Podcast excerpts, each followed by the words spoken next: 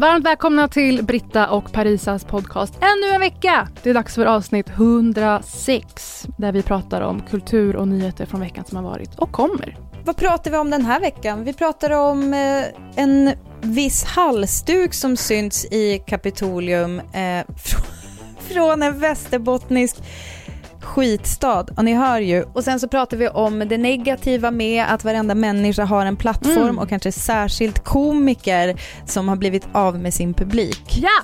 Därutöver så blir det en ikon i tv som kan lära oss ett och annat och en trippel om olika maktindivider som finns just nu i olika kulturella verk som tv och film.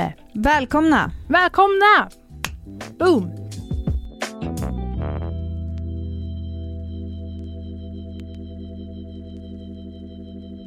Sitter du där i er kontorsstuga nu? Jajamän. Det är början på ditt Murdoch Enterprises, ditt, ditt Empire. Det byggs ett medie, en mediemogul-tillvaro där ute utanför Men alltså jag vill inte riktigt, eh, liksom dels vill jag inte ta ner mig själv och sen vill jag heller inte snacka skit om Rudolf Steiner som ju var liksom grundaren av Waldorf-filosofin, alltså antroposoferna. Men det är ju liksom lite mer antroposofkänsla här och kanske inte så mycket media-imperium. Men absolut. Det är det nya, Alltså, det kanske är det nya det kanske är exakt, man kanske skulle kunna, alltså precis, alltså någon slags antroposof, entreprenör, antroposof. Men då Mandelmann säger också big biz, men de lever ett friare liv. Ursäkta, jag uppfann nyss ett ord. Entre, alltså entreprenör, antroposof. Nej men det är så bra. Britta. Ja, du ser. är. Trademark. Innan någon killpodd lyssnar nu och snor det här som vanligt. Ja, nej men alltså Trademark. jag, kommer try- jag trycker upp eh, logga i detta nu. Ja, men det här är en så bra föreläsning. Hur mår du? Eh, jag mår bra. Fräckt humör. Ja. Det är alltid lovande. Det var Jag har varit kul. ledig i fyra dagar. Vilken Oj, grej. Slagit min egen majonnäs. Jättetidsödande och onödigt. men vill du berätta varför? Varför jag har varit ledig? Jag kände att det... Nej, nej, nej. Alltså absolut ingen undrar varför du var ledig. Vi undrar däremot, Parisa Miri, varför gjorde du din egen majonnäs? Nej, men jag kände att det här kan ju folk. Och det här gör folk som en del av en trivseltillvaro. För att annars går ju mycket av mitt liv ut på sånt som ändå kan kategoriseras som jobb i mitt fall. Läsa, titta på saker, lyssna på saker. Och då behöver man göra saker som bryter av mot det. Ja, jag fattar. Det som kvarstår då är att laga väldigt mycket mat och äta med Just folk. Och springa i snön med broddar.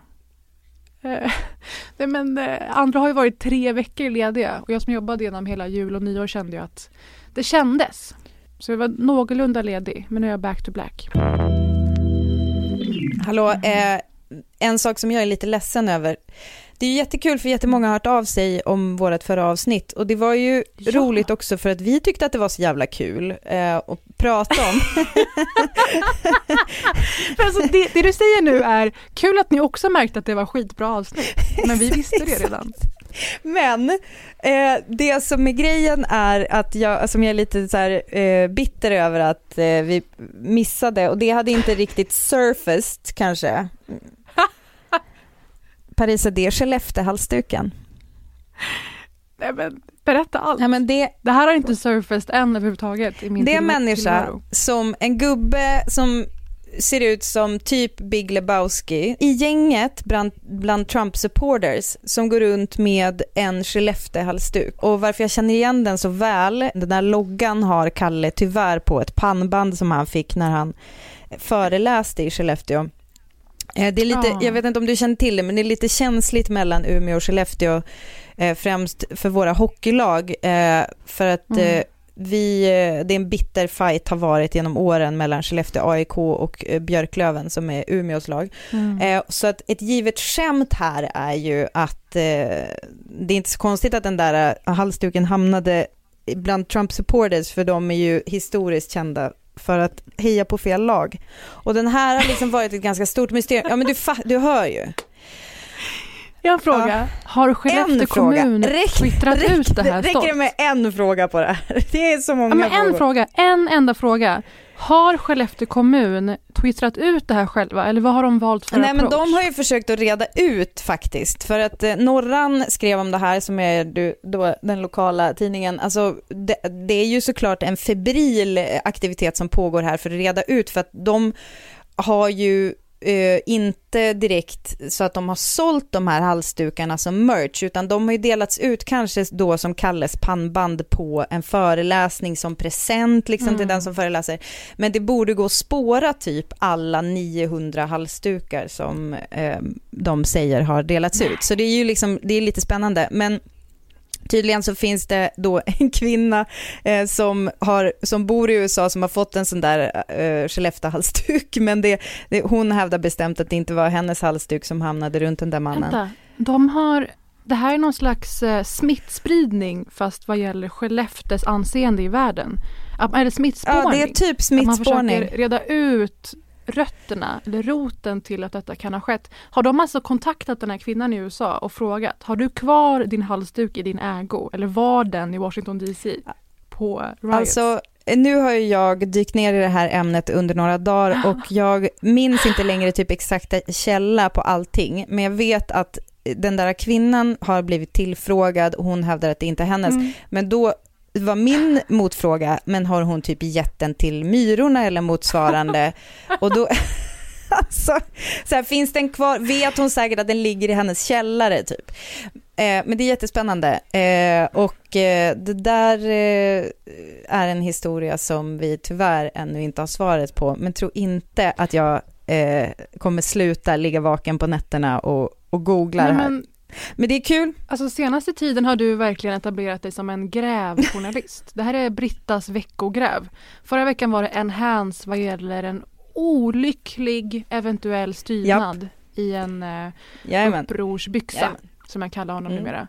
Och nu är det alltså att en Skellefteåhalsduk har kommit på villovägar och hamnat Men det är ju det vi inte vet Parisa, det kan ju vara en Skelleftebo eh, som har anslutit sig för att eh, tydligen så är det så här, den här Mm. mannen som har eh, synts på de här bilderna, han har nu gjort sig av med liksom alla spår kring honom, han har raderat sitt Twitterkonto, han, han har liksom försvunnit från Wow. internet. Så att eh, det enda vi har på honom just nu är just Skellefteå-halsduken. Otroligt spännande. FBI ägnar sig åt att rota ner olika terrorister och Britta heltid ska lösa mysteriet. Det här är en sån, P3 Dokumentär gör ju numera, jag kan tycka lite ytliga Det här är en perfekt, jag ska sälja in det till P3. Säg inget mer, say no more. Höj nivån på hold dem Britta, my bra. drink.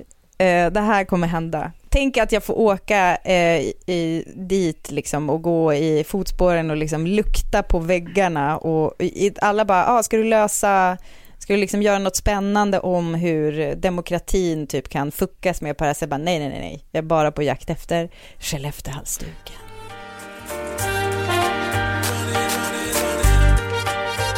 Bussen med Trump-supportrarna börjar närma sig huvudstaden. Stämningen är eh, uppjagad. Eh, den är allvarlig. Och den är samlad. Mitt ibland dem, en man som vi senare ska benämna som Skellefteåhalsduksmannen. Skäggig, långhårig. Har han duschat idag? Vem vet? Han ska komma att bli det största mysteriet för Sveriges samlade mediekår och Västerbottens sämsta kommun med det sämsta hockeylaget, Skellefteå.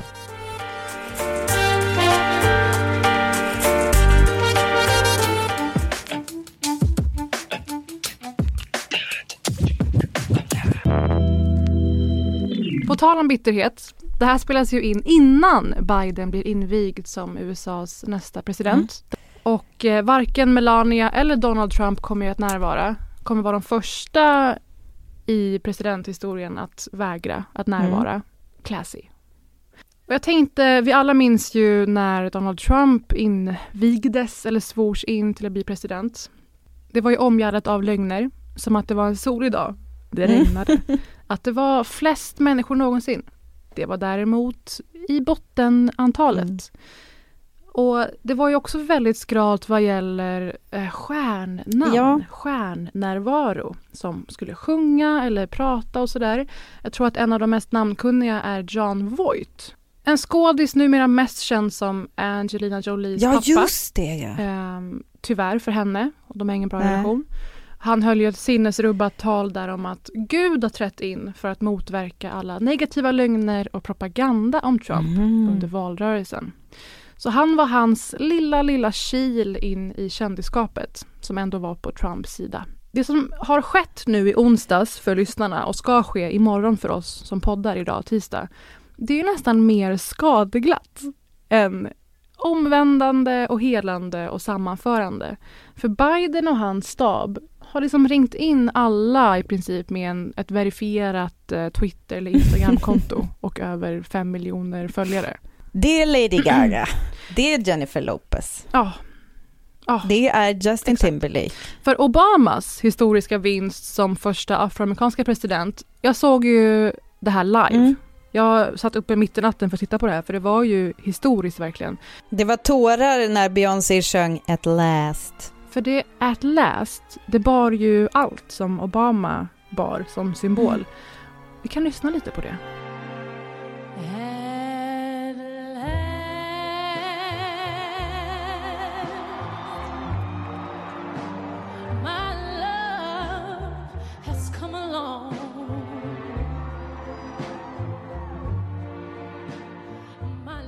Bidens Beyoncé, undrar ni? Jo, det är givetvis Tom Hanks. Mm.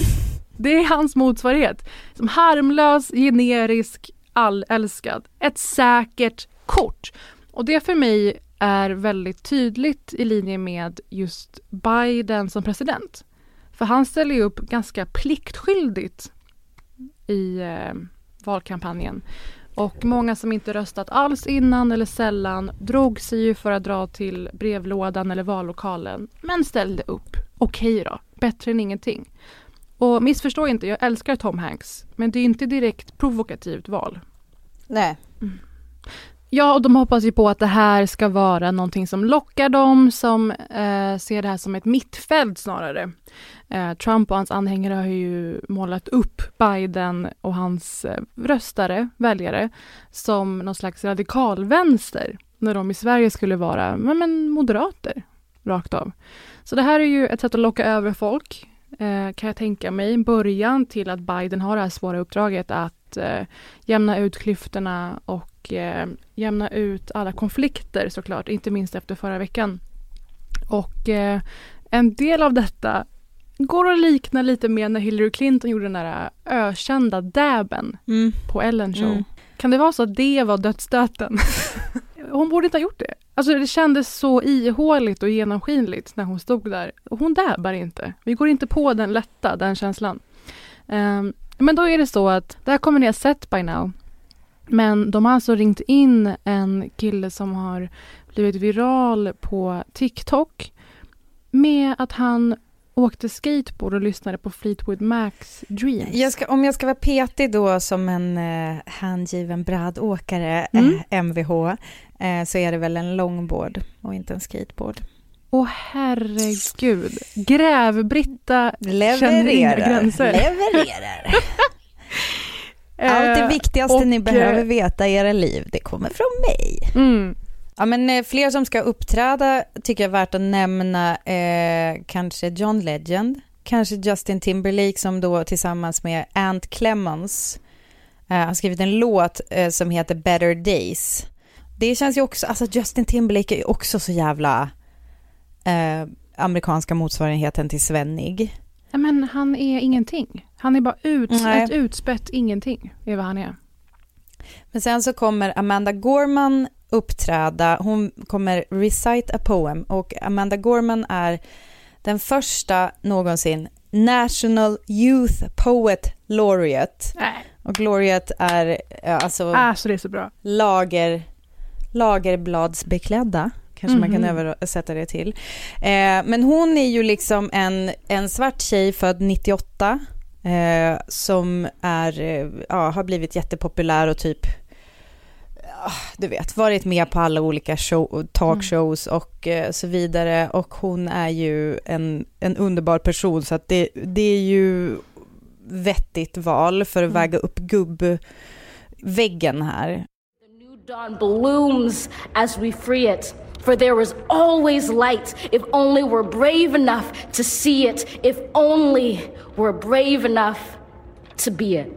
Eh, säger jag. Och sen eh, kommer då den som kommer liksom leda Pledge of Allegiance är en eh, Fire Captain, tror jag hon är, Andrea Hall, som är från Georgia, som ju är en väldigt stark eh, väljar eh, styrka liksom, för Joe Biden. Mm, Eh, blev det i det det här ju- valet. Verkligen. Ja. Så det känns ju kul på något sätt. Det inte bara gubbar, det var bara det jag ville säga. Mm. Ja, men så det här är i alla fall en, en eh, talande start på Bidens fyra år, eventuellt, i bästa fall fyra år som president. Eller att Kamala Harris kliver in i förtid. Vi får se. Alltså du hoppas att han ska dö, är det det du säger? Ja, alltså tro mig. Jag hoppas att han ej dör. Eh, för det vore... eh, är det i och för sig ett bra sätt att dö på? Att få en mastodont presidentbegravning? Kommer Lady Gaga sjunga där också? Eh, apropå Bruce Springsteen så eh, håller då grävande journalist Britta Zackari på Mm. att eh, ägna sig åt en eh, hobby som heter Vad händer med folk i lockdown? Aha. Du är ju redan expert på området sen din gameshow. Hur många karantändagar tills X? Ja, Och då var det allt ifrån tills jag vill op- plastikoperera mig, tills jag vill skilja mig och liknande. Det var en succé. Eh, eller skaffa TikTok-konto. För Mm. det är ju någonting som många kändisar har fått för sig att göra nu Mm. under lockdown. Eh, grejen är att det, det är ju någonting extremt intressant det här eh, soc- sociologiska experimentet, va? Är det Mm. sociologi? Heter det så på svenska också? Eh, där, eh, där människor eh, nu ska sitta hemma och uggla människor som tidigare hade en scen, hade kanske ett eh, skådespelarjobb, hade en, ehm, eh, liksom gick och, på klubbar Mm. och fick folk att skratta och så vidare. Mm. Deras Eller de bekräftelsekran har stängts av abrupt. Exakt. Och de Relate. tvingas sitta hemma. Eh, De har visserligen till, tillgång till Instagram där Mm. de kan fortsätta och eh, liksom begå skämt och eh, diverse upptåg. Men det är väl det. Det är punkt sen. Sen är det punkt, för man kan inte heller spela in nya comedy specials på Netflix, för du behöver en publik eh, och så vidare. Och vad många sådana här har gjort då, det är ju att det har blivit lite grann en ganska självklar, eh, ja, kan vi kalla det för boom? Det har i alla fall blivit en del nya bidrag till podcast eh, eh, himlen, Ja, och icke förtäckt som någonting annat än förlorade inkomster och förlorad bekräftelsesubstitut. Det hedrar dem. Ja, precis. Eh, podcast som har startat till exempel i Sverige, du tog upp i förra avsnittet, Nor eh, El Refai och Henrik Schyffert har en Mm. podd tillsammans Jo tack. som har startats under året. Och, eh, apropå Bruce Springsteen som jag började den här meningen, Bruce Springsteen har startat en podcast. Nej, From my home to yours. fan, vad är det du säger? När han sitter och spelar in i sin lilla studio hemma i New Jersey. Bruce Spring- Springsteen plays records from his own personal collection and shares his thoughts about the times we're living in Mhm. direct from his home in New Jersey. Det är ju liksom BBC som har den här. Det är faktiskt långt ifrån det här äh, att appeal till folkligheten. Att han, har, han går till det mest icke-amerikanska vi har, BBC, Ja. och ger dem tre avsnitt. ja, det är faktiskt sant. Ja, men det är ju mysigt. Det är ju en present. Alltså, det är ju något bra som har hänt Mm. med att eh, bli av med en scen eller vad man ska säga. Eh, jag har ett Vilket till extremt bra... behov han har ändå. Han måste ju vara stormrik. Och jag hade passat på att bara få ta det lugnt i den här tiden. Men han kanske är så extremt beroende av Vet du, jag tänkte samma tanke om Meryl Streep häromdagen. Får jag säga så? Vad tänkte du då? Ja, men jag, vå- jag vågar sällan uttrycka mig någorlunda ens vagt kritiskt om Meryl Streep för att jag avgudar henne så mycket. Men på sistone, man undrar ju, har hon något spelmissbruk? Eller varför jobbar Meryl Streep så onödigt mycket? Alltså du menar med- hon spelmissbruk för att hon, som hon måste underhålla, alltså som Hon måste, dra in cash? bekosta. Så här, Ja. alltså på sistone. Jag såg den här ny, halvnya Mar- Mary Poppins-filmen. Eh, jag tror att det är Emily Blunt som gör. Tyvärr inte Ja, alls i närheten av Blunt. Julie Andrews. Eh, men där dyker Meryl Streep upp i någon slags knastant rött hår och eyeliner och man känner bara varför? Och sen hela ABBA-historien och nu bara i år Ryan Murphys The Prom, paljettglittrande med Nicole Kidman, någon slags musikal på Netflix. Också med han eh, Carpool Karaoke-personen James Corden och en av mina bästa poddar, NPR eh, Pop Culture Happy Hour, kallade hans eviga liksom, gay-spelande person som antingen ett war crime eller ett hate crime. Att han som straight alltid spelar en så grovt överdriven gay-person. They don't vote for you, they vote for your brand. And my brand is a little tarnished at the moment. Because of the infamous tirade at the Longacre Theatre. When a cell phone goes off in the middle of a performance, I can't be It held was responsible. your cell I phone. didn't know that. It was in your wig. I didn't know that. Och sen såg jag henne också i en ny Steven Soderbergh-film på HBO. Som inte var något särskilt att ha. Men menar du att hon har blivit mindre picky i sin, i sin, i sin jobb? Alltså hon Eh, har ju alltid navigerat mellan fin och, eh, hur ska man säga, bred kultur. Men just nu senaste året, senaste två åren kanske, så undrar man varför behöver hon så mycket cash-inflöde, Meryl Streep? Misstänkt Mm. beteende. Spelmissbruk eller droger? Ja, Vad tror du hon missbrukar för spel i så fall? för vi, alltså vet vi, jag, jag har en spaning om det här. Alltså jag tror, jag tror att det här ehm, Candy Crush har blivit eh, typ amerikanska hemmafruar så här, väg in i spelberoende. Därför att det börjar med att de köper boosters i form av en extra chokladboll eller någonting sånt där. Och så helt plötsligt i slutet av månaden så, så får de räkningen från eh, liksom Apple. Och då är det typ sjukt mycket pengar. och Meryl Streep, hon står inte över det. Det kan hända vem som Nej. helst. Och då måste de gå på tyngre spel för att tjäna tillbaka de här pengarna. Och så är det igång! Även du Meryl Streep, vad sorgligt, fast också lite kittlande.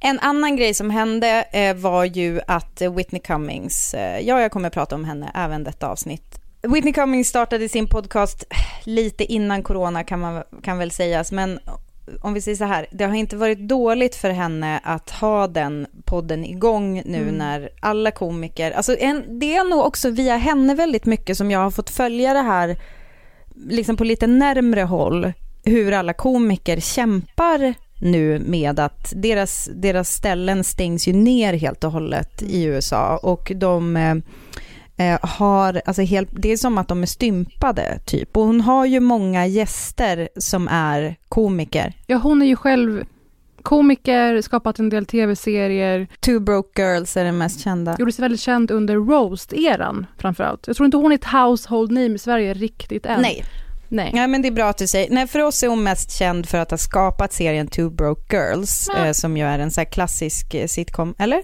Va? Ah, jag är mest känd genom Britta Zackari för mig. Jaha, okej. Ja, men den tv-serien har ju ändå gått några vändor på en stor kanal, Mm. liksom, så att det skulle man ju kunna ha snubblat över. Men hon hade också en egen sitcom samtidigt som Two Broke Girls med sitt namn Whitney. Ehm, och blev liksom boom jättekänd vid typ, hon var kanske 30. Eh, och sen, det hanterar hon inte så bra och det pratar hon ganska mycket om i den här podcasten. Och jag har ju länge gillat att lyssna på den här just för att hon pratar mycket med eh, ja, men andra kvinnliga komiker. Hon är väldigt bra nära vän med många av dem så att det blir ju som en, en slags annan väg in än den där vanliga nu gör de en mediesväng och vi får höra samma svar på frågorna som vanligt, utan de, det är ju lite mer så anekdoter och, och grejer. Eh, och hon har ju, givet sin erfarenhet, har hon ju också väldigt mycket ja, men så insiktsfulla frågor med insikten från the business. Liksom. Så att det är väldigt på väldigt mycket olika plan tycker jag att hon är en väldigt bra intervjuare. På sistone så har dock Whitney Cummings eh, det har eh, börjat gå utför, så kan vi säga. Oj. Och Är jag, hörde du mitt oj? Hur ogenuint Mm. det var? För jag har redan noterat att hon har blått hår och laborerar med blå ögonskugga. Och Ja men hon, där har hon en tanke för Ja. att hon, hon är så här, nej men det är som en väldigt tydlig så här, jag bryr mig inte vad du tycker, Ah. jag behöver inte vara snygg för dig typ. slippery slopen då från det till ah, lite för mycket. Alltså lite, alltså att vara självcentrerad kan ju vara både bra och dåligt tänker jag. Det kan ju också ramla över i att inte må så bra, tänker jag. Funny you should say that. Hon har vissa, det finns vissa indikationer för oss som följer henne på Instagram att eh, allt är inte riktigt rätt. Och jag tycker, jag tycker att det är krångligt att prata om eh, människor ibland utifrån deras privatliv, Mm. för det får man väl ändå se det som när hon delar på stories och så vidare, det får man ju ändå se som höra till hennes privatliv och det, det kan man väl lite grann kanske tycka att hon får ha för sig själv eller liksom delar hon det så kan vi kanske prata om det men det är liksom egentligen kanske inte så intressant så länge det inte spiller över på hennes yrkesroll. Eh, alltså det finns ju någon slags distinktion där men nu är det som att det har börjat krypa, krypa in, den här totala eh, urspårningen Mm. har eh, börjat krypa in eh, också i hennes intervjuer. Eh, och eh, den riktiga tågolyckan Nej. som jag måste prata om är när hon hade Amanda Knox som gäst. Hmm, känner du till Amanda Knox? Inte by name. Nej, Amanda Knox är personen som med facit i hand blev oskyldigt anklagad och dömd för mordet på sin roommate i Perugia, Italien. Alltså en amerikansk eh, student eh, som reste dit, Amanda Knox, eh, blev eh, roomie tillsammans med en brittisk tjej och eh, en dag så är den här brittiska tjejen eh, mördad med kniv eh, i sitt sovrum. Och om man, om man vill veta om det här caset så kan man titta på Netflix-dokumentären som de också delvis pratar om i den här intervjun. Eh, det, är ju, det är ju faktiskt ett intressant case utifrån att det var väldigt mycket media som byggde misstankarna mot Amanda och liksom snacket i byn och så vidare. Det, det är intressant ur ett sånt perspektiv och eh, hon är ju också en intressant person och att, höra från för att hon fortfarande lider sviterna av det där.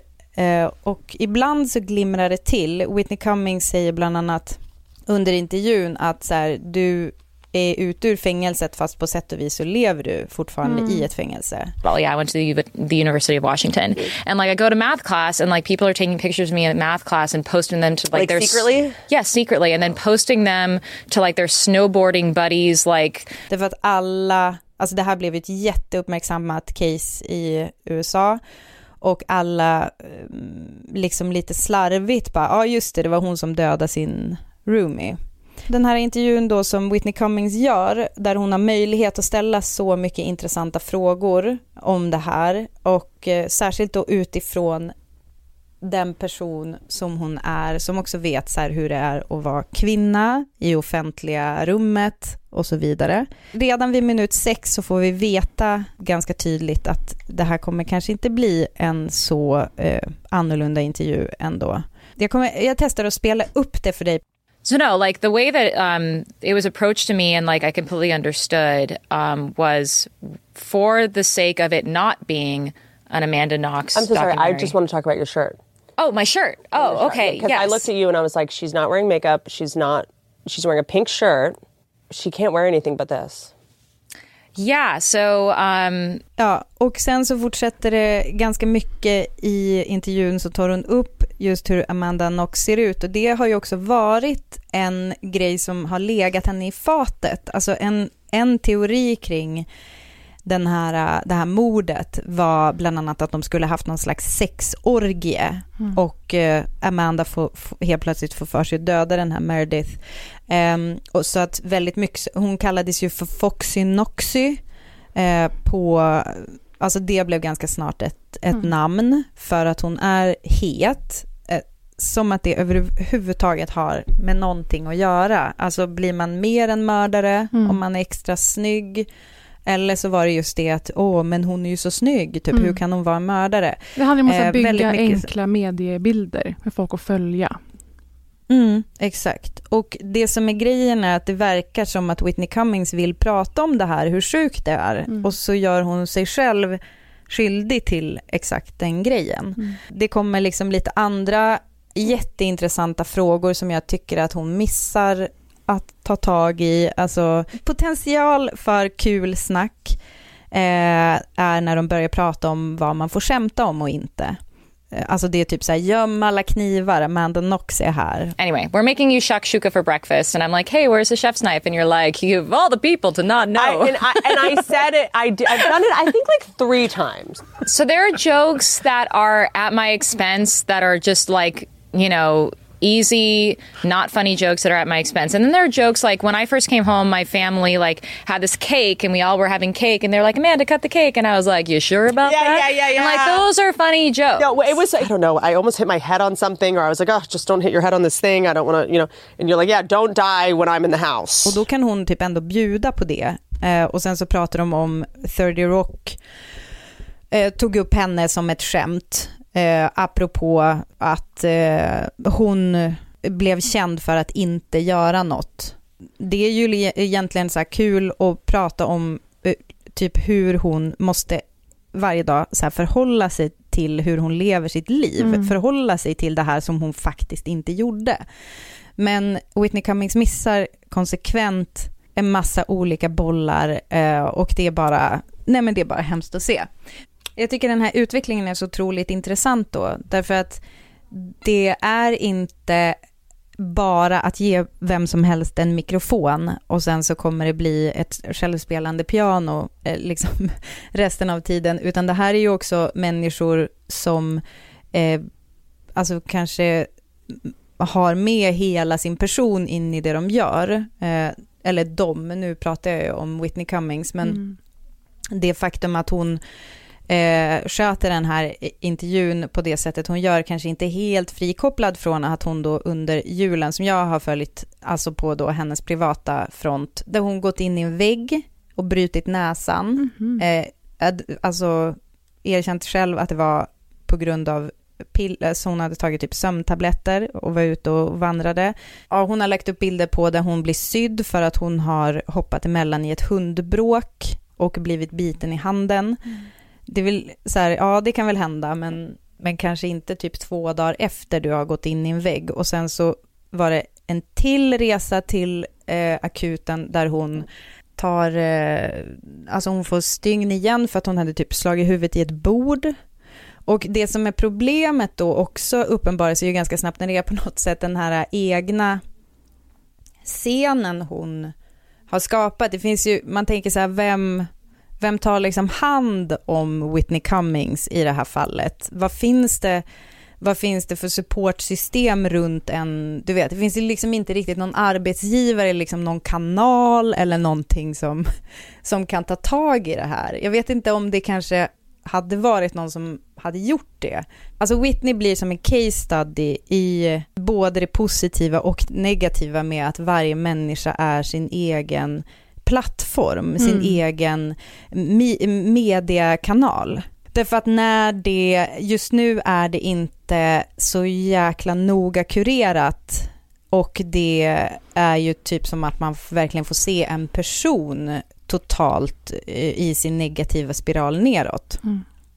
Ja, vad spännande, för där befinner hon sig ju på spektrat självproducerande röster som har alternativa medier. Där finns ju dels Hotla Motto och Ivar Arpi i ena hörnet. Eh, Ja. Och det här är ju absolut folk som har byggt egna plattformar eh, och sätter sig själva i första rummet i sådana här intervjuer när det är faktiska, riktiga samhällsfrågor. Och hur det kanske inte alltid är the way to go. Nej, och det är ju inte alltid the way to go, men någonstans så har man nog som tittare och lyssnare så tror jag ändå man har med sig det, att, och det är också därför vi tycker att det är intressant, som jag, som jag började i, att just för att det är den hon är så Mm. kan hon ställa en annan typ av frågor, hon har en annan inblick ehm, och tidigare har hon bjudit på sig själv på ett lagom sätt. Nu är det som att hon är mer intresserad av att ehm, jämföra sig själv med liksom andra komiker som Mm. Amanda Knox tar upp när hon försöker berätta något annat eh, och eh, väldigt mycket knyts till Whitney Cummings själv. Det känns som ett Black, Black Mirror-avsnitt. Det som finns eh, som en liten ljusglimt i det här då, apropå komiker som har startat grejer under eh, karantäntider, det, eh, och också knutet till Amanda Knox är att Tignotaro har startat en podd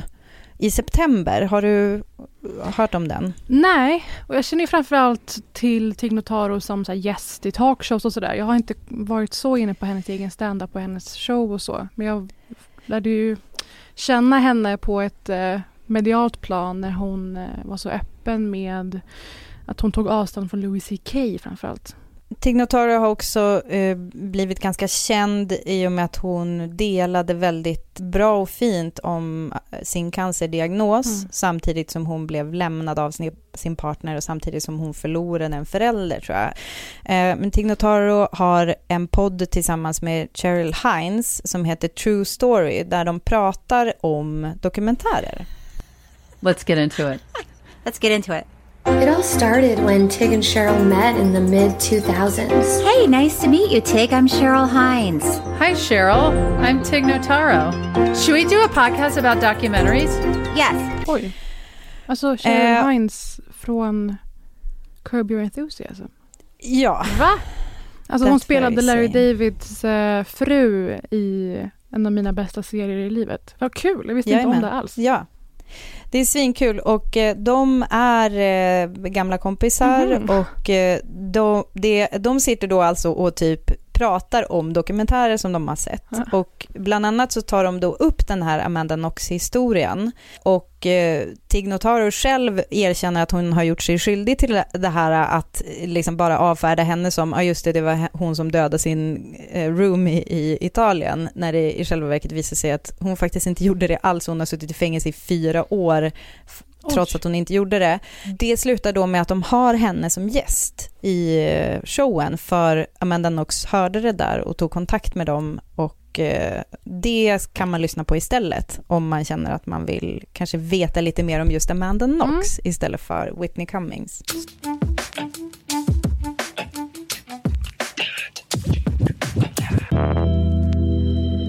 Vi har ju fokuserat på en hel del annat än vad vi har konsumerat kulturväg senaste veckorna. Det är inte så konstigt. Eh, Den här veckan har ju präglats mycket för mig av såklart att en, en väldigt kär ikon och idol i mitt eh, skrivande, pratande liv har förärats med en miniserie på Netflix. Jag pratar om Mm. Fran Lebowitz. Yes, in the back. Hey, Fran. Uh, I actually never heard of you before. That's really a good way to break the ice. Ladies and gentlemen, the one and only Fran Lebowitz. People frequently are infuriated by me because I'm filled with opinions. In New York, there are millions of people, and the only person looking where she's going is me. I should write a manifesto, the title of which would be Pretend It's a City. Fran blev ju känd på 70-talet och eh, var väldigt unik redan då i att hon frångick helt normen kring kvinnor, hur kvinnor ska bete sig i offentligheten, vad de väljer att kommentera och bete sig. Hon körde taxi i det väldigt eh, ruffa, skumma eh, 70-tals New York och blev kompis med Martin Scorsese och det är han som har regisserat den här miniserien. Och han är lite av en fnissande bikaraktär under många av deras snack. Och ja, vi älskar ju män som är fans. Har du hört någonting om det här? Pretend It's a City på Netflix. Jag har faktiskt sett den. Nej, och, eh, jag började kolla på den Parisa och jag kände så här, det här är så fucking bra så att jag kan inte titta på det ensam. Jag måste, jag måste liksom dela det här med någon. Den, alltså jag blev golvad. Jag älskar den och jag Mm. älskar liksom, alltså anslaget, så här, tonen, Eh, hon är helt fantastisk. Jag kände inte till henne innan Mm. typ överhuvudtaget. Alltså känner väl igen, men inte mer än så. Och det är fruktansvärt mysigt ehm, berättat. Jag fick så här känslorna av, och alltså nu, jag vet att vi inte ska prata så mycket om Woody Allen, men du vet så här, Mm, Woody Allens absolut. Manhattan, Mm. tonen i det, alltså det är lite grann som att man umgås med New York som backdrop eh, och får höra, du vet, man får liksom lite så sanningar levererade, Mm. eh, det kanske är inne i någon eh, bokhandel, det kanske är ute på trottoarerna, det, det är liksom någonting med den tonen som känns igen från Absolut. Woody Allens Manhattan och jättemysig. Det är det här förhöjda slice of life-berättandet som ju Woody Allen har gjort i perfektion såklart, kan man säga emot, men som också Fran Lebowitz var en pionjär inom. Och hon tillhör ju den skara de sardoniska kritiker kan man säga, som har en ton som är liksom sarkastisk, ifrågasättande, vässade formuleringar. Och det har ju varit mina idoler sedan för alltid. Ihop med Nora Ephron som vi har nämnt väldigt mycket. Eh, David Sedaris är en sån person. Det är ett gäng Verkligen. som man idoliserar verkligen och som man drömmer om att någon dag kunna efterlikna på något sätt. Alltså, så här, kåserier. Tack. Ja. Är det inte det det är? Ja. Du har fått på sms eh, klipp från när hon gästade min favoritradiopratare, den ofta torra eh, Terry Groves i NPRs Fresh Air, som Fran gästade. Och liksom effekten Fran Lebowitz eh, har på Martin Scorsese, den här uppburna, snart 80 år gamla regissören, har hon på den här otroligt rutinerade, skarpa radiojournalisten Terry Groves. Hon blir nästan fnittrig av Frans förtrollande karisma. Welcome back to Fresh Air. It is such a pleasure to talk with you again. Thank you. Nice to speak to you. The series was shot before COVID, so you don't get to talk about the pandemic in the series. But I'm interested in hearing how's your fear level about contagion and how vigilant have you been about not getting COVID? I think I've been excellent at not getting COVID because I have not gotten it. Um, so uh, I think that's the proof that I've been vigilant. Um, hon är ju en legendarisk journalist såklart och hon har också släppt essäsamlingar, Metropolitan Life och Social Studies, som är otroligt lärande om man är intresserad av berättande och skrivande. Det finns också samlat någon slags reader, där man samlar texter och liknande. Och Marty har uppmärksammat henne förut. Och Marty, är du Marty med Martin ja, absolut. Scorsese? Alltså Marty är fan, det är som ett eh, morfars smeknamn. Just för att han är en sån kär, god vän i mitt liv själsligt. Till dig. Och, Men du, ehm, alltså är, ja. är inte hon, var, var det inte så att hon fick typ skrivkramp eller någonting? Exakt. Att hon liksom lämnade skriveriet och började snacka istället? Alltså, Fran måste komma till insikt om att hon är en sittkomiker. Hon är liksom stand-up-komikernas sittkomiker. Trivas och sitta någonstans mysigt med en drink i handen och chattra med vänner. Myntar du nu uttrycket sittkomiker? Det är vad som händer. Och hon gör det på så raffinerat sätt och det är så magiskt. Va- Vare sig hon pratar om att vara taxichaufför på 70-talet som kvinna eller hur sjukt hon tycker att det är med eh, The Kardashians. Allt är värt att lyssna på. Allt är, som Nora Ephron sa, everything is copy. Att allting Mm. går att förfina och fullända och skärpa till. Avgudar henne, så det vill jag att ni ser för min skull. Det blev också väldigt... Alltså det finns, ju Ja. ett pro- det finns ju ett problem här med sittkomiker. Alltså jag älskar uttrycket sittkomiker. Jag måste bara landa lite där innan du går vidare. Sittkomiker istället för stå upp komiker. Men sen har vi ju, och vi har ju också sitcom som är situationskomedi. Men det, det funkar ju också för att det är ju väldigt mycket sånt hon pratar om liksom. Alltså, det är ju så här Larry David, eh, liksom observationer och sånt där. Mm. Att skärskåda samtiden och folket i den. Absolut. Mm. Ja, men så det är ett lyckligt äktenskap där mellan sitcom och sitkomiker. Snyggt. Men så det här har tagit upp det mesta av min tid för att jag också liksom smakar långsamt på de här avsnitten som finns ute. Jag sa ju att jag stängde av direkt, eh, eller efter ett litet tag, bara för att jag kände att jag måste bevittna det här tillsammans med någon. Men man känner från början att det är ett jävla mästerverk. Ja men vad kul, jag tycker den fångar hennes essens också. Att hon är egensinnig, hon är lite excentrisk, hon är vass men inte elak. Alltså ursäkta, nu gör jag en Whitney Cummings och kommenterar kläder, men inte på det sättet. Men hon har haft samma outfit sen 70-talet typ. Mm. Det är ju det är något jävla kul. Eller har hon alltid det där? Är Ja. det en korrekt eh, bedömning? Skräddade Att hon har haft samma outfit. Alltså det är ju, eh, hon verkar vara en sån jävla king. Ja. Mm. Men och att hon är en Kul. sån viktig motvikt till det vi ser idag. Att det är framförallt yta som betyder någonting. Att det är framförallt att bli omtyckt som är viktigast, att vara likable med andra ord. Jag tror ju verkligen på det här uttrycket a friend to everyone is a friend to no one. Att det finns en, en tomhet eller att man, är, man har ingen riktig kärna om man är en sån eh, slätstruken mainstream-människa. Och jag tycker verkligen att Fran har varit så otroligt full av integritet och att följa sin egen bana från dag ett och att det kan vara eh, rent av nyttigt att se i den här tiden vi befinner oss i idag. Så absolut, obligatorisk tittning, gör dig själv en tjänst och det här är en person som har varit väldigt viktig för mig i att hitta min egen röst och det jag vill ägna mig åt. Så jag blev väldigt glad av att se det här. Men nu Britta, nu har jag en liten trippel till dig. Det var ju ett tag sedan. Kör. Ja. Shoot! Och dagens trippel kommer handla lite om olika verk inom kategorin makt och myndighetspersoner kan man säga. Från smutsköpta politiker till, ja, Malmös polisinferno, det påstådda. Du anar säkert vad det handlar om. Först ut är en ny tv-serie med Ted Danson. Vi har ju sett honom mycket, mycket nyligen i en kär tv-serie för podden, nämligen The Good Place. Och det är en serie med Kristen Bell och flera vi tycker om, om livet efter detta. Men med en mycket viktig twist. Där spelar han Michael, som är en otillräcklig ledare, kan vi säga vagt, för att inte spoila. Mm.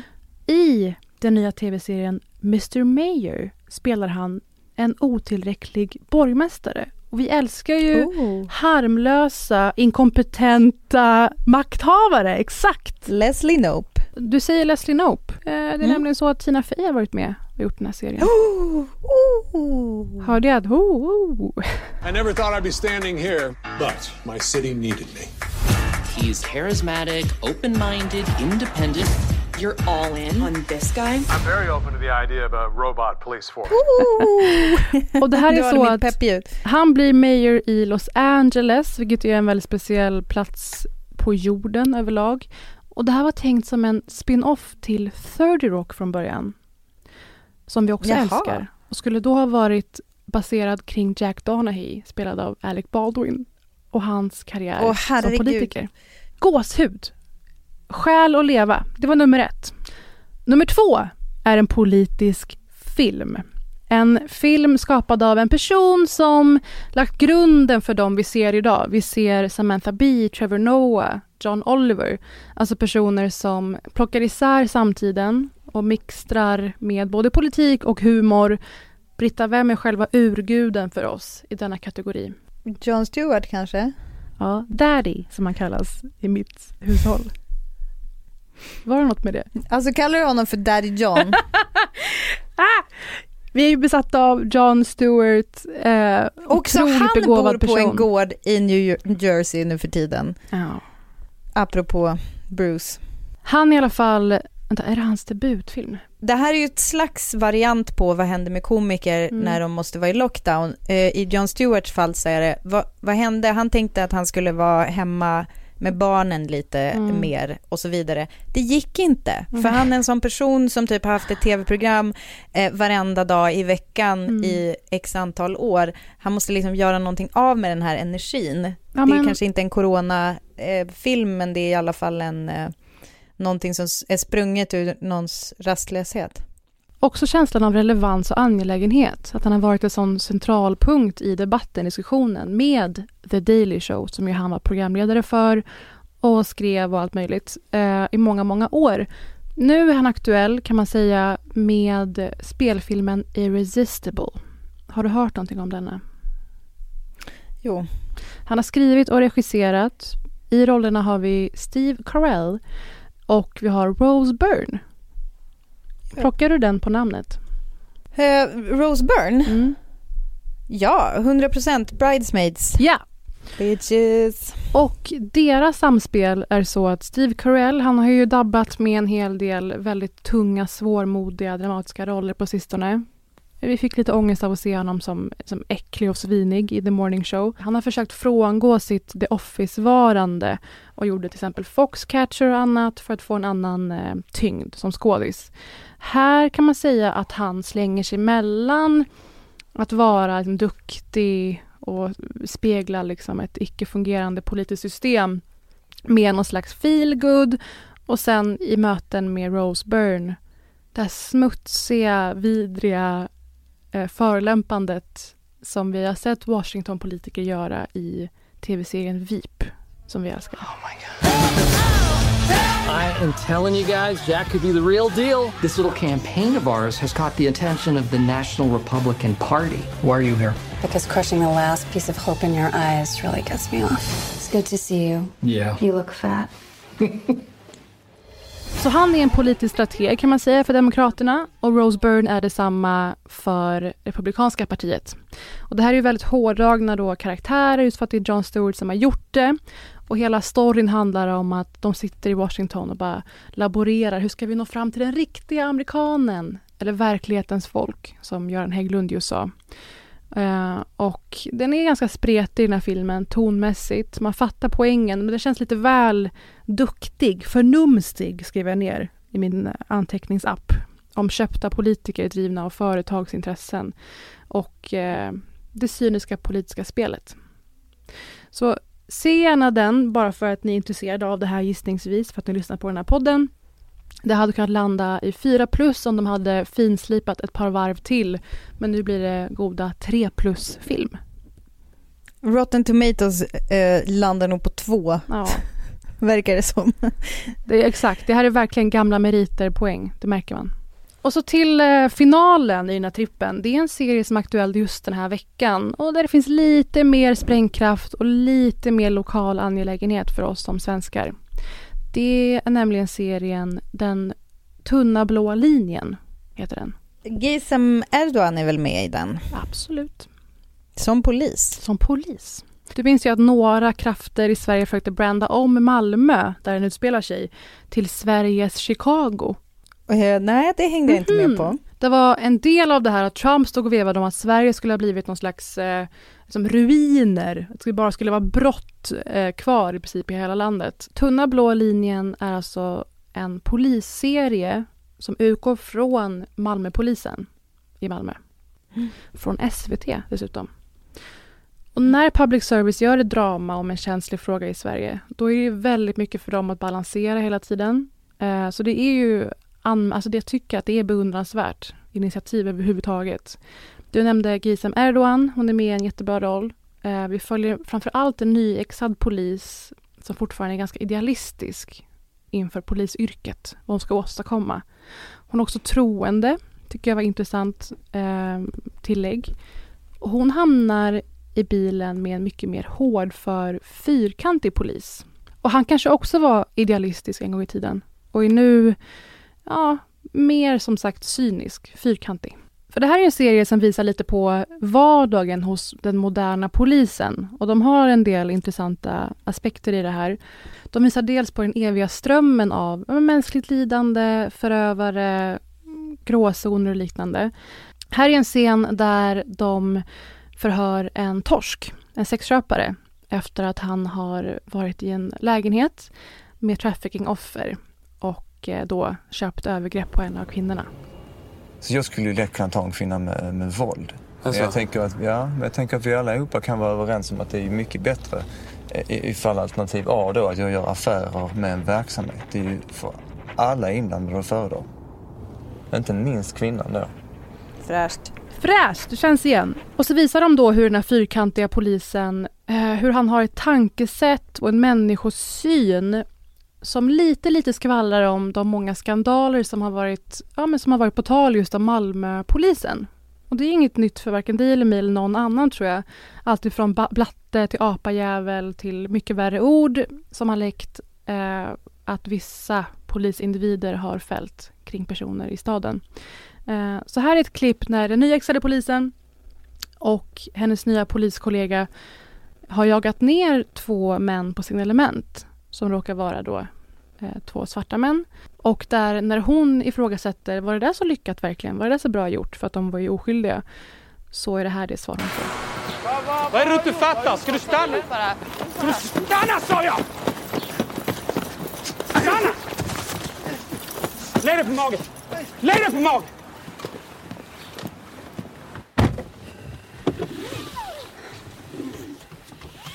Det blev ju inte så lyckat.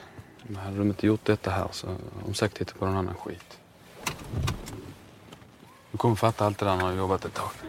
Jag har inte sett den här tv-serien, men utifrån de här klippen så jag hoppas verkligen att de tar hand om de här frågorna ordentligt. Och Mm. eh, det är ju Silla Jackert som har skrivit eh, manus. Mm. Eh, som ju tidigare, mest känd kanske för en viss eh, generation för Spung, som var en tv-serie som var jättepopulär. Eh, jag eh, tänker att kanske mer eh, nyligen Känningens sorg, alltså Håkan Hellström-filmen har hon Mm. skrivit eh, manus till. Så jag, jag är väldigt nyfiken på, jag, jag vet inte alls eh, liksom, jag vet inte så mycket om den här serien eller vad, Mm. liksom vad hon ville visa med det här, men eh, det är ju verkligen så ämnen som...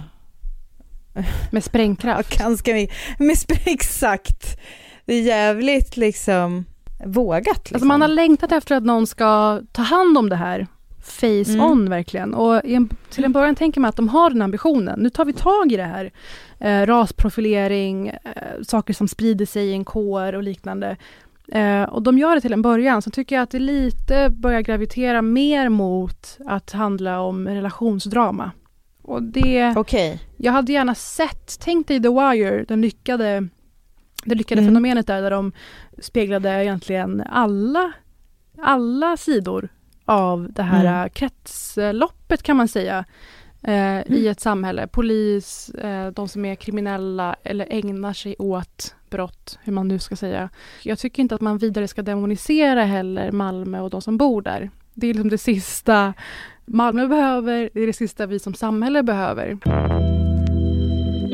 Jag tycker också att det är kul att du, att du aktade dig så noga för hur du skulle säga om man får säga kriminella eller typ bara Mm. sådana som begår brott. Alltså, du, alltså utifrån typ hur många eh, kriminella har vi som lyssnar på den här podden. Men om vi har någon kriminell som lyssnar på den här podden, eh, hör gärna av dig och berätta vad du tyckte om den tunna blå linjen. Jo men, alltså jag, men jag, jag, för jag vill verkligen inte falla i den. Eh, Nej, jag vet. Alltså för så här, den här serien riskerar att visa på att kolla vad tufft det är för poliser varje dag och det är därför de är så skyldiga Mm. ibland till rasprofilering. Att man Mm, helt exakt. avhumaniserar dem de sätter på i vardagen. Det är så att vissa har en väldigt ensidig, stängd, negativ bild av polisen och att vissa har en väldigt ensidig, stängd, negativ bild av folk som bor i vissa orter. Eh, istället för att det handlar om att, eh, jag menar någon typ av ordningsmakt måste vi ju ha och hur den funkar idag, det här med eh, rasism och så vidare, det påverkas ju såklart av att det är en väldigt homogen skara.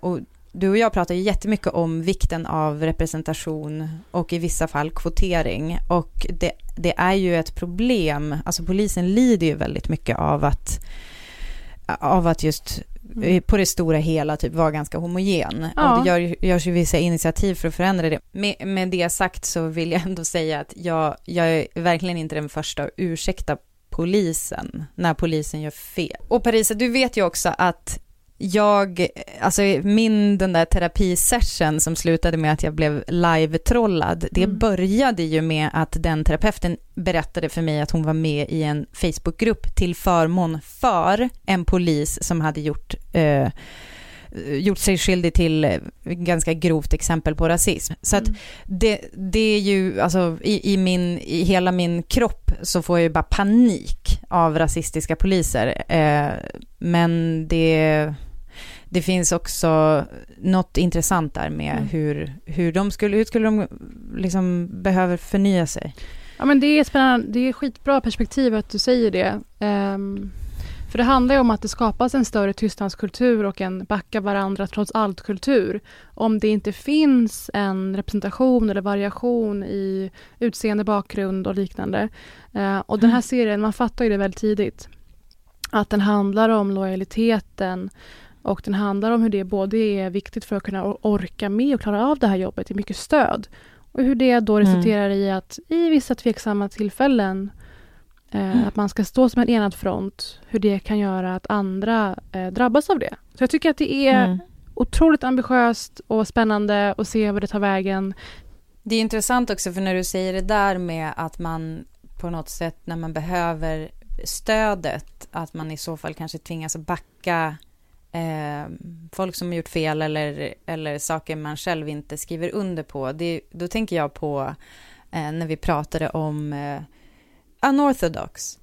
Det är lite så att den grej, alltså för typ om det är, det är liksom någonting du, behö, du, har liksom, du behöver eh, lu, kunna luta dig mot den här communityn. Mm. Eh, då blir du också på något sätt ibland typ medskyldig. Det är ju sjukt intressant med den psykologin bakom det. Liksom. Mm. Den här serien understryker ju verkligen hur viktigt det är att distansen mellan polis och person, om vi ska säga så öppet, hur den behöver minskas. Att det har skett en förenkling åt båda håll egentligen. Och det viktigaste för att komma åt de problemen som faktiskt finns i viss utsträckning i vissa orter, det är ju just att folk litar på polisen och det är ingenting man kan börja göra över natt. Utan det är ju någonting som har med eh, tillit att göra över lång tid. Men också att polisen representerar ju hela statsapparaten för medborgare. Mm. Och om de blir konsekvent illa behandlade, eh, fördomsfullt behandlade från start, då kommer det speglas i, i de här individernas syn på samhället i stort också. Så det är ett sånt mm. otroligt stort ansvar polisen har och vissa gör ett otroligt bra jobb i allt det här. Men det finns ändå en poäng att belysa där det fortfarande finns saker att göra. Sättet som den här serien skiljer sig någorlunda faktiskt från alla tusen polisserier där ute är att den fångar dimensionen av att det ständigt pågår en parallell diskussion och spekulation online. Det är nämligen så att mm. det fälls in tweets när man tittar okommenterat. Eh, som visar både på personer som gärna får allt att handla om att det är invandringens fel. Det handlar om de som får eh, allting att handla om att det bara vore rasism allting. Och det är intressant att visa på hur polisen då upplever sin arbetsdag, att det där sker parallellt. Och jag blev förvånad när jag läste att det här är faktiskt inspirerat av den här trenden vi har med twittrande poliser. Mm. Det har vi snackat om, att det har skett en del oegentligheter. Att de har skrivit saker som har varit ganska nedlåtande och människorna de råkar på sina arbetsdagar som poliser, vare sig det är brottsoffer eller förövare. Mm. Eh, och att de har råkat lägga upp bilder på folk och sådär. För jag trodde verkligen att det här skulle kunna vändas åt andra hållet. Istället är det bara tweets från allmänheten som rullas upp i tv. Och inte så ja, mycket om polisens roll som twittrande poliser. Hur mycket det spär på motsättningar och missuppfattningar. Mm. Så det, jag måste säga det, jag tycker att det, jag saknar det lite. Jag hoppas det kommer längre fram kanske, att de själva också har en roll i hur de upplevs genom det de för ut aktivt varje dag genom Twitter och Instagram. Apropå också att alla har en plattform. Det är jätteintressant. Ja, det är många perspektiv att täcka och det är en del lite övertydliga skådespelerier och endimensionella roller. Men eh, spännande ämne. Så jag kommer kolla vidare på det här. Ja, hörni, tack för att ni lyssnat ännu en vecka på vår podcast. Vad håller ni på med? De gör ju som vi säger åt dem. Jag vet.